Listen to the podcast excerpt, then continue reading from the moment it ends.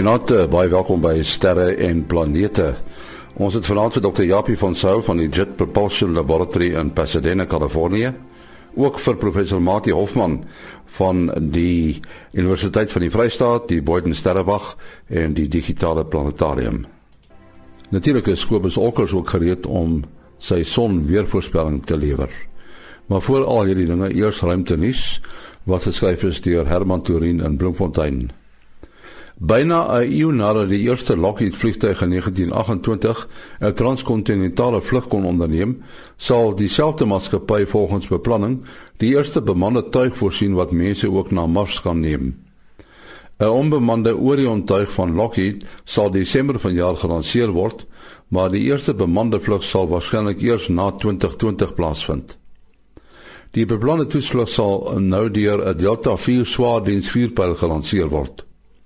Die plan is om na 2020 'n bemanning te stuur na 'n gevange asteroïde wat intussen in 'n wentelbaan om die maan geplaas is.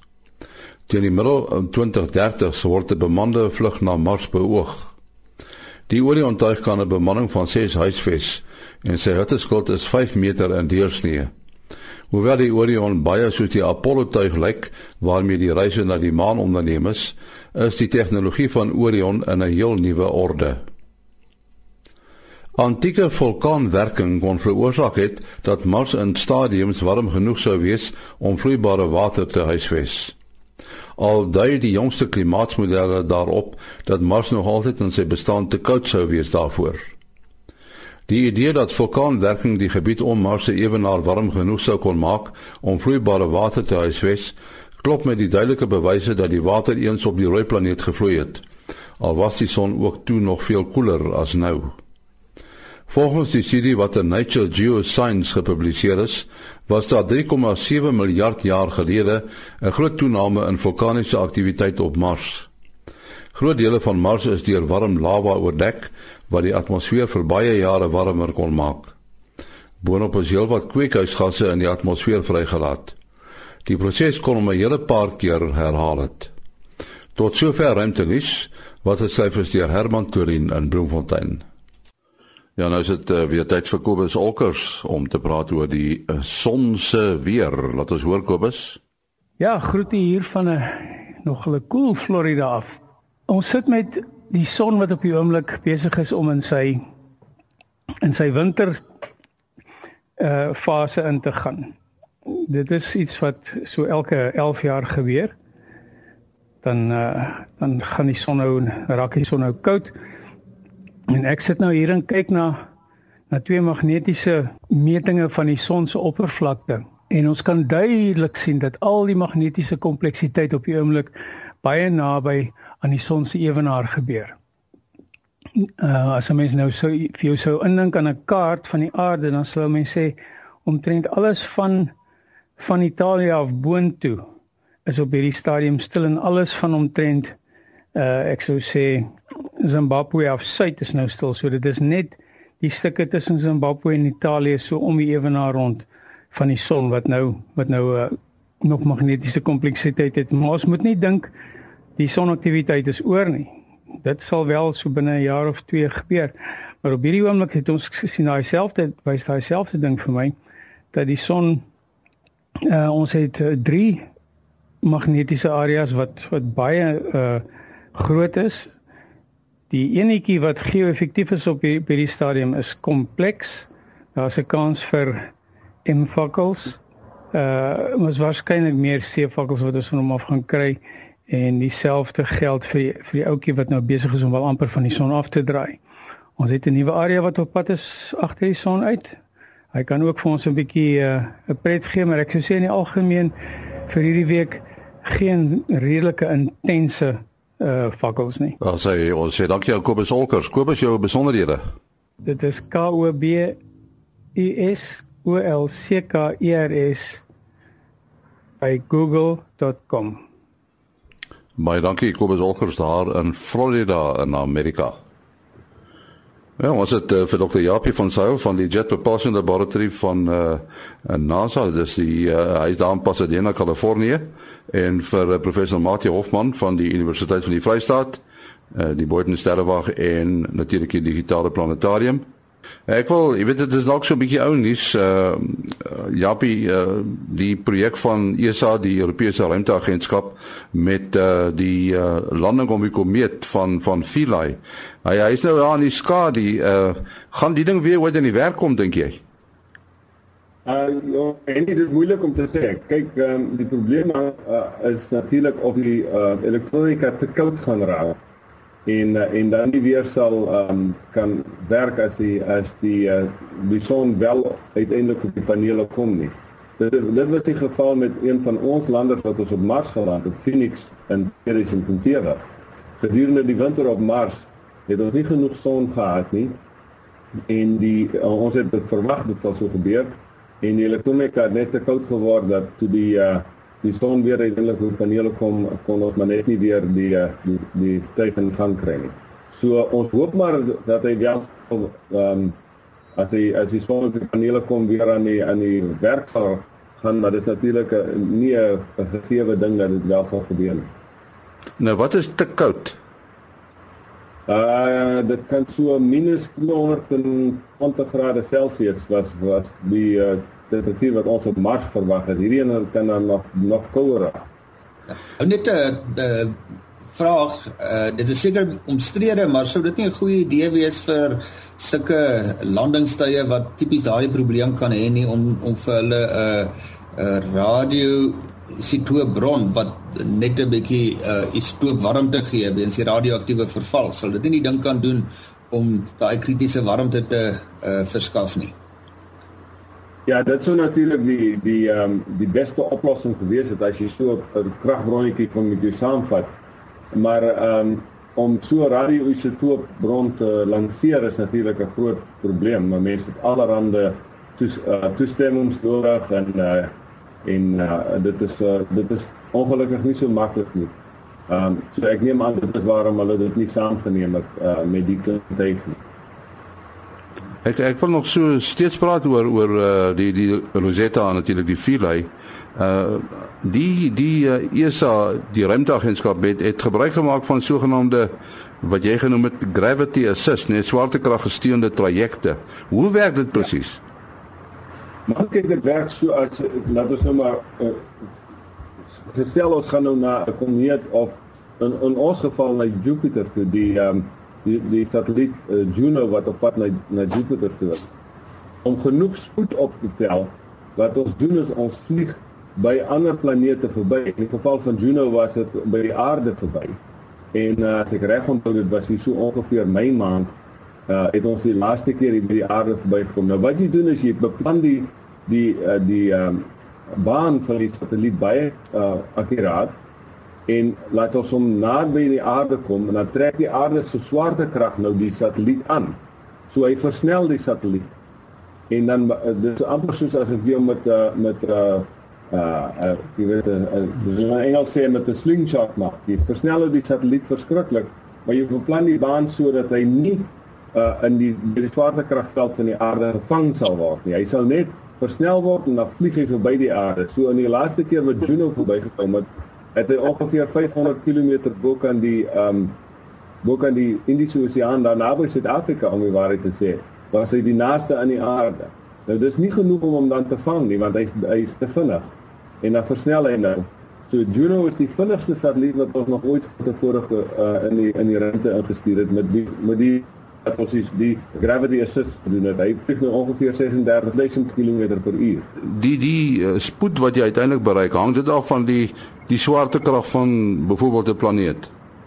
Ja, dit hang natuurlik af hoe groot die planeet is, want hoe groter die planeet is, hoe, hoe meer uh sal hy vir jou uh, versnel as hy en uh, jy nou so aan uh, na na hom toe aankom. So uh, Jupiter se sal waarskynlik die versnelling nog uh, baie baie hoër maak as 'n planeet soos Mars. Dis reg, dis reg. Maar jy moet jou berekeninge baie fyn doen dat jy nie die ding uitbrand nie. Ja nee, kyk as jy te, as jy bietjie af is, een van twee dinge gaan gebeur. Die veiligste ding is natuurlik om nou maar bietjie konservatief te wees en en nie so verskriklik spoed te kry nie, want dan weet jy jy sal nou nie 'n probleem kry nie, maar as jy as jy te aggressief is en probeer te veel spoed optel, kan jy dalk op die ou gevang word deur die planeet of uh, of uh, die eerste wat kan gebeur is jy kan natuurlik um, so ehm um, naby kom dat hy jou wel sal vang en en jy op die oppervlakte van die planeet kan val of in die geval van Jupiter in die planeet in in die gasbol invlieg en uh, en dan sal hy die die ehm um, satelliet uh, basis sal hy uitbraak. Uh, die uh en ek het nou 'n vraag terwyl ons op daai onderwerp is. Uh ons het nou gesien in die geval van die uh komeet uh waar die Rosetta nou uh basies langs hom geparkeer het op die ou end. Uh, met ander woorde, hy het nie net verbygevlieg nie, hy moes daar gebly het sodat hy nou die res van die sending moontlik gemaak het om Polaai te laat land.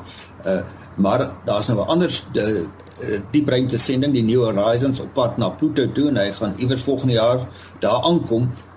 Mense nou verwag dat as dit nou die eerste keer in die geskiedenis is wat 'n mensgemaakte ruimtetuig daar by Pluto aankom dat hulle nou daarom in 'n baan om Pluto sou uh, sou wou gaan, maar hier gaan ons nou net 'n verbyvlug sien. Sou dit nou so moeilik gewees het om die sending bietjie anders te beplan uh, om daarom 'n hele tyd vir Pluto te kon dophou? Ehm um, ja, ongelukkig die die probleem as jy nou om om ehm um, um, voorwerp of of 'n planeet soos Pluto wil uh in in 'n wentelbaan om die planeet gaan, dan het 'n mens uh meer uh wat brandstof vir die satelliet nodig. Dan wat jy moet doen is die satelliet uh stadig genoeg jy moet hom rem met die brandstof sal ek maar sê. Om seker te maak dat jy nie te vinnig uh, is as jy by die planeet verbygaan nie, want dan vlieg jy net verby. En ongelukkig met die New Horizons kon ons nie genoeg brandstof saamvat om om wel 'n baan om toe te gaan. So die beste wat ons nou kan doen is om by hom verby te vlieg, maar die voordeel daarvan natuurlik is ons kan nou verbyvlieg en daar's kanse dat ons ander sogenaamde Kuiper Belt al uh, voorwerpe kan sien. Um uh, dieselfde baan wat uh, New Horizons dan na Pluto sal wees. Uh hierdie uh sogenaamde gravity assisted uh projekte wat julle het.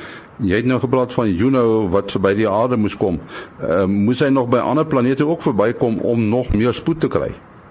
Ja, tipies wat ons doen is ons gebruik uh, Venus en die aarde om die gravity assist uh te doen. Dit is redelik maklik om van die aarde af te lanseer en dan verby die maan te gaan en dan by Venus te gaan draai en dan weer by die aarde omkom en dan dan uh, en dan uh, na die buiteste ruimte toe gaan. Terwyl ons nou op die onderwerp van die van die landingstye uh, is toe Pelaai nou daar op uh, die komeet was en hy het nou begin probleme kry met sy battery wat nie kan laai nie.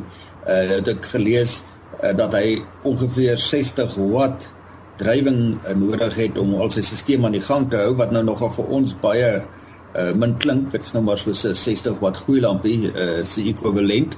Uh toe dink nou gewonder met 'n meer groter en meer gevorderde tuig soos die Curiosity wat op Mars is, uh, wat is sy drywingsbehoeftes en uh kom ons sê nou maar op Mars, het, uh, is daar 'n eenvoudige formule wat jy kan sê as jy soveel uh wat beskikbaar wil hê, hoe groot sonpaneel jy nodig het. Ja, dit is dit is gelukkig 'n redelike maklike berekening om te doen. Uh om as 'n mens nou by die aarde kyk, uh op die aan die bokant van ons atmosfeer is die drywing van die son ongeveer 1.3 kW per uh vierkante meter. Op die oppervlakte is dit ongeveer die helfte van dit afhangende van af hoeveel wolke en so aan daar is. So so sê maar 600 tot 700 watt per per uh, vierkante meter op die op die op die oppervlakte. En en die woestynne daar in Suid-Afrika en so aan is 'n bietjie hoër. Maar maar nietemin soos die mens verder van die son afgaan, uh val daardie hoeveelheid met die met die afstand uh, kwadraat. So as jy twee keer so ver van die son af is, dan kry jy 1 kwart van die hoeveelheid uh, drywing per vierkante meter. So as 'n mens sonpanele gebruik, uh op Mars is dit ongeveer 'n kwart van 'n uh, bietjie min uh, bietjie minder as 'n kwart wat dit op die aarde is. Maar die sonpanele wat jy gebruik is 'n bietjie anders as die ene wat jy hier by die winkels koop, né? Nee? Ja, hulle is 'n bietjie hoër effektiwiteit, maar jy weet dit is maar een van die groot probleme is om om die die sonpanele so effektief as moontlik te kry. Ehm um, uh, dis luisteraars wat die goeders op hulle plase het weet uh, alhoewel jy sê 600 watt per vierkante meter kan kry, uh, die panele doen nog nie soveel nie want hulle is nie 100% effektief nie. En dit is natuurlik 'n groot ehm um, uh, area van navorsing vir almal om te kyk of ons die effektiwiteit van die sonpanele kan hoog kry. Uh afhanklik was hulle ongeveer so 25%, nou is hulle in die omgewing van 40 tot 50%. En as uh eksperimentele uh panele wat nog hoor is dit so uh dis 'n groot area van waar ons navorsing doen om te om te probeer om soveel as moontlik son uit uh krag uit die sonpanele uit te kry. As 'n mens dit kan doen, kan ons uiteindelik uiteindelik uh satelliete stuur na ses um, uh Jupiter Juno is die eerste een wat nou sonpanele gebruik. Uh en ons dink aan om moontlik um uh, sendings na ewen Saturnus te stuur wat as as die sonpanele effektief genoeg kan kry sal ons wel sonpanele daar kan gebruik. So natuurlik baie makliker om te lanseer as die radioisotope wat nou gebruik. Goed, dan nou heeltemal iets anders ook nog met gravitasie te doen, die sogenaamde gravitational lensing, gravitasielense. Uh ons hoor baie daarvan en mense lees baie daaroor. Maar wat presies dit beteken dit? Japie? Die gravitasielense wat wat mense van praat kom van Einstein se Einstein se teorie af. As jy ehm um, as 'n mens kyk na sogenaamde space-time ehm um, daar's vier dimensies in in die teorie. Die drie dimensies van uh wat ons normaalweg dink as as die oppervlak van van die die ruimte. Uh, X uh, you know cinema op af links en regs en oos en wes en so aan vorentoe en agtertoe. Uh en dan is natuurlik die vierde dimensie tyd. Nou as jy baie swaar voorwerp het, 'n baie digte swaar voorwerp, dan vervorm dit hierdie sogenaamde space-time en as jy dan lig stuur om so 'n baie digte baie swaar voorwerp. Dan buig hy selfs lig. Lig trek dan nie in 'n reguit lyn soos wat ons in fisika leer nie. Lyn eh, die die eh, lig word dan gebuig deur die gravitasie van die uh, baie digte swaar voorwerp soos 'n black hole en so aan. En uh, dit is wat lensing noem. Jy kan eintlik dan um, as jy 'n groot hoeveelheid massa tussen jou en 'n in 'n in 'n sinema 'n groot ster of 'n galaxy in die agtergrond het en dan kan jy die die gravitasie lens sien en in uh, dan vir vorm dat die die sal ek maar sê die voorwerp se se vorm uh in die um, die beeld lyk dan heeltemal anders. Ons het dit al, al baie waargeneem met die uh, Hubble Space Telescope. Uh en dit is interessant volgende jaar uh, gaan dit nou net mooi 100 jaar wees na uh Albert Einstein se algemene relativiteitsteorie uh gepubliseer het en dis juist daarin wat hy gehandel het oor uh, met hierdie voorspelling dat uh lig op 'n bepaalde manier deur 'n gravitasieveld uh, sal buig. Nou die interessante ding is uh dat 'n mens kan nou hierdie effek op die makroskaal waarneem wanneer dit nou byvoorbeeld massiewe voorwerpe soos sterrestelsels is wat uh die lig van voorwerpe agter hulle om hulle buig en dan kan mens nou meer as een beeld van uh een bepaalde voorwerp sien en dit kan hulle bevestig met behulp van spektroskopie wat die uh aantoon dat die lig van af onskynlik verskillende voorwerpe eintlik die lig van op dieselfde voorwerp is. Maar dan is daar ook 'n uh, ander interessante verwante uh, verskynsel die van mikro lensing. En dit is nou 'n baie subtiele effek wat jy kan optel.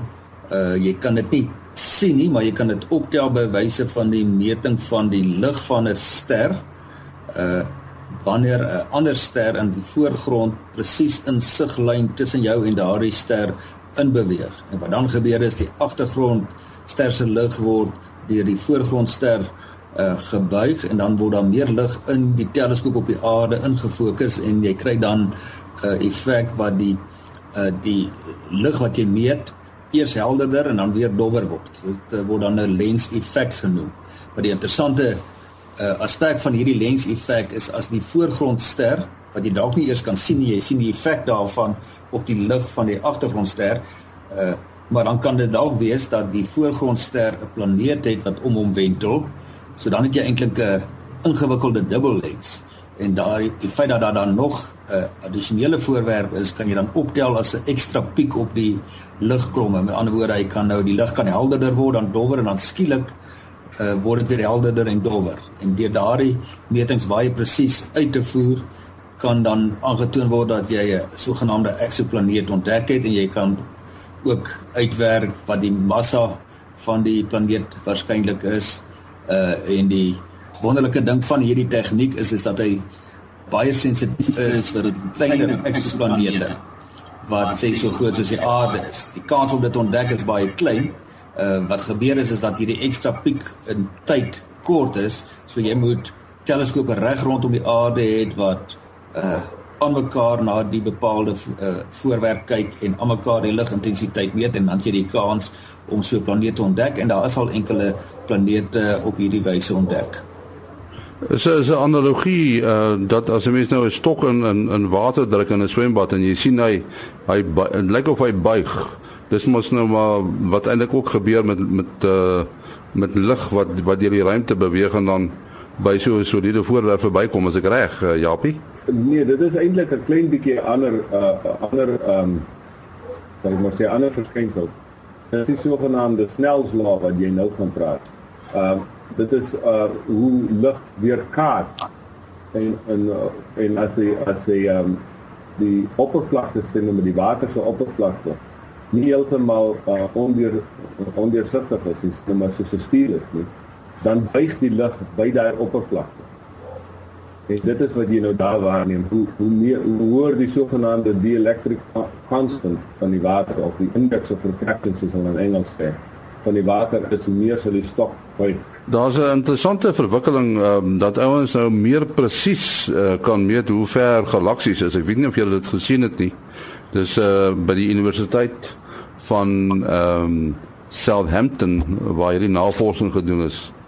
Hulle kyk bykbaar na die stof wat uit 'n sogenaamde gravitasiekolk kom dan meet hulle die afstand tussen die uit uitwendige deel en dan binne in die gravitasiekolk en dan kan hulle 'n baie meer akkurate meting doen van die afstand van die goed. Ek weet nie het julle daarvan gehoor?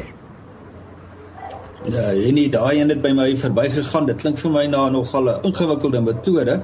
Uh so hulle sal baie vindingryk moet wees om dit akkurater te maak as van die ander metodes, maar in elk geval mense het 'n ingewikkelde metode nodig want die ander sterrestelsels is hopeloos te ver om van gewone driehoeksmeting uh gebruik te maak. Uh so dit sal die, die bepaling van afstande is altyd een van die belangrikste probleme in die sterrekunde, so dit sal 'n belangrike stap vorentoe wees as hulle akkurater metode gekry het. Ja, hulle praat dan van hierdie warm stof, the hot dust forms a ring around the supermassive black hole and emits infrared radiation, which the researchers used as the ruler. However, the apparent size of this ring is so small that the observations were carried out using infrared interferometry to combine WM Keck Observatory's twin 10 meter telescopes to achieve the resolution power of an 85 meter telescope. So dit is wat hulle gedoen. Ek weet nie of jy daarvan gehoor het nie, Japie. Uh nee nee, ek het nie van die spesifieke uh, meting gehoor nie, maar ons het natuurlik die die die stelsel wat hulle gebruik by die Keck teleskoop in Hawaii het ons ontwikkel. En dit is soos dis soos hulle daar sê, dit gebruik 'n spesiale tegniek wat jy die lig van twee teleskope. Die teleskope self is 10 meter in deursnit. Dis nou 'n fris teleskoop. Maar as jy dan die die twee teleskope se lig bymekaar sit, dan jy effektief die akkuraatheid van 'n 85 meter teleskoop.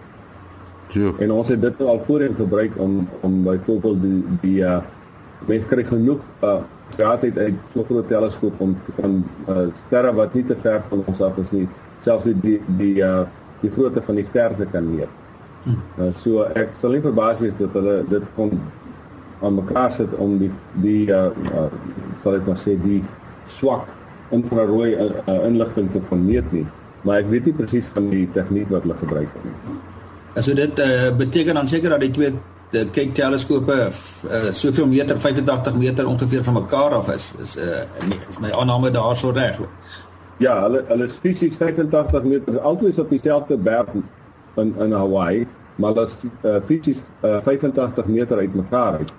En dan wat ons gedoen het, ons het tonnels onder die grond met uh, met uh, spesiale pype wat dan die lig van die een uh teleskoop na die ander se se daar so 'n groot kamer ondergrond wat as jy goed bymekaar die lig bymekaar bring en dan vorm jy wat hulle noem 'n interference pattern met die met die lig. En uh soos ek sê dan is dit effektief as jy een een teleskoop het wat 85 meter deursnit is. Is die kykteleskope ook saamgestelde teleskope of is dit enkele spieëls? Nee, dit is saamgestelde teleskope. Dit is uh, met uh, hexagonale panele wat ons die 10 meter se uh, vorm. Ja. As vir die tegniek uh, en nie is dan verwant aan uh, wat hulle met die SKA gaan doen om die beeld van verskillende radioteleskope uh, uh, bymekaar te tel.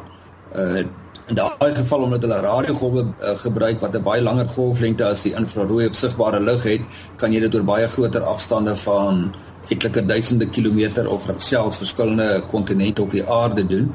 Uh man uh, ek dink in uh, hulle kombineer daardie data waarskynlik na die tyd deur dit op te neem en dan presies gesinkroniseer in tyd uh, later bymekaar te kan sit. Ek dink dit word in in tyd of in real time uh by mekaar gesit nie. Ek weet nie of uh, miskien weet Japie of hulle met die radioteleskope dit presies analoog aan wat hulle met die kyk doen ook uh, kan doen. Nee, nee tipies uh, jy's reg maar die tipies wat mense met uh, radioteleskope doen is ons ehm um, uh, neem die data op by die uh, by die individuele teleskope sal ek maar sê groot antennes natuurlik in die geval van radio soos die uh, soos die SKA sal doen en dan kombineer jy dit later in die in, 'n rekenaar. Uh, ons kan dit doen of as, omdat die die golflengte soos jy sê langer is en die bandbreedte tipies nie so hoog is nie.